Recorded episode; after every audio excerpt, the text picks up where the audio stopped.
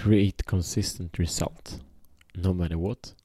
Here is a key we've been talking about, but it's so worth to give it special attention because all your results now and in the future will be determined by this one key.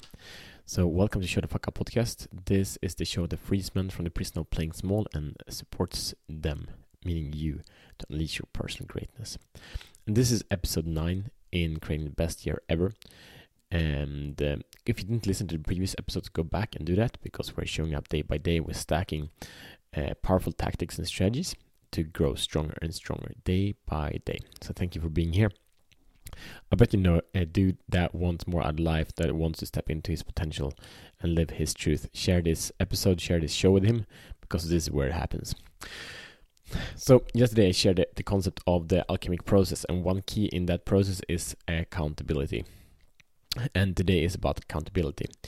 And all of us has experienced accountability on a very very high level, but few of us actually realize it and have it structured in a way that really supports us now and into the future. So the meaning of accountability is to it's beyond responsibility.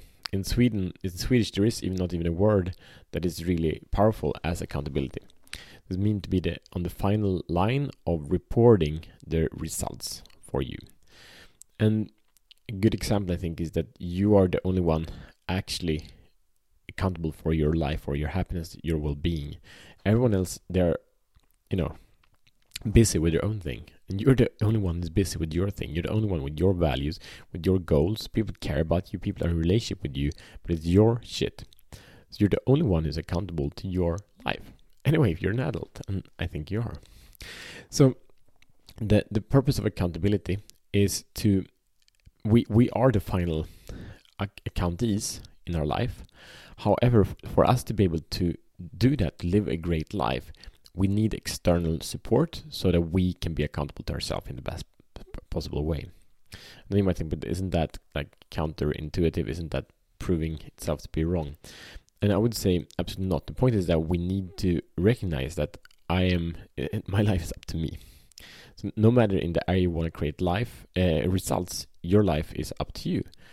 And then for you to be able to, in the end, if it's in a year or it's a month or whatever time frame it is, you need to shut the fuck up to that accountability and realize that you will need support to get there. Because we all fall off the boat, and I do that quite often, or like I do it really often and um, and and it's not and that that's why I need accountability. And I don't know many other guys who stay super focused all the time. Like we find strategies that work for a time and then they don't anymore. And some strategies that's for decades and some is for a week. It doesn't matter. We need accountability so we get into the um, frame of evaluation of improvement. Like all amazing guys and mentors and, and teachers that I learned from, they all have an immense amount of accountability. So it's the checking in. Uh, basically, is that okay? You said you would do this. You said this is your truth. This is your mission. This is your values. These are your goals. These are your strategies. Did you follow through on what you were committed to do? And the practice of that, why it's so important for men, it's a trait that um, likely is not the same for for for women. Is the standing by the word. And it's not that women necessarily are less trustable, it's that for men eh, throughout the history of time, it's been more valuable because we are the one that are on the final defenses of the tribes that we live in. A big challenge is that we can be very hidden away, or we can live in a fake world. And today, many people, are, especially, are isolated. It's easy to live in one's own bubble without the push, without the encouragement, without the faith. So I would say like a, a powerful accountability relationship is that usually there is some stake at it. There's some risk and there's some reward, meaning there is some punishment, and the punishment can be social uh, punishment. You have to recognize that you didn't, that you were not a man by your word. It can also be a financial punishment. Uh, it can also be a celebration, reward, and recognition.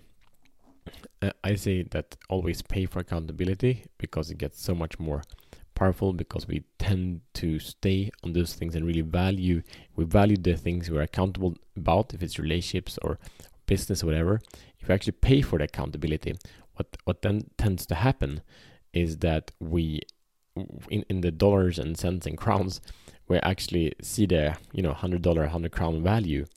Uh, so, and and quite often, to be honest, that value is more clear to us than our own self value, than our own integrity, than our own goals, than our own journey on life.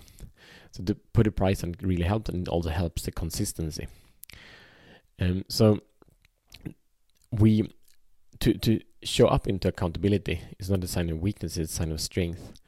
That we recognize for me to be the best man I can be, I need others around me to believe in me and support me, are willing to um, be there and and encourage me when I don't for myself or when I am. They have even more positive expectations on me, so we can grow together. So I invite you to uh, create accountability for you in your life. I'm starting an accountability group or a, a men's mastermind in Sweden. You can hire a coach such as me or many other coaches do that. Many coaches don't, but but it's very very different. But find accountability in your life and stick to it and experiment to do that for a year and see your life transform. So your mission should you choose to accept it is to get it, get accountability. Uh, I see you tomorrow as better men.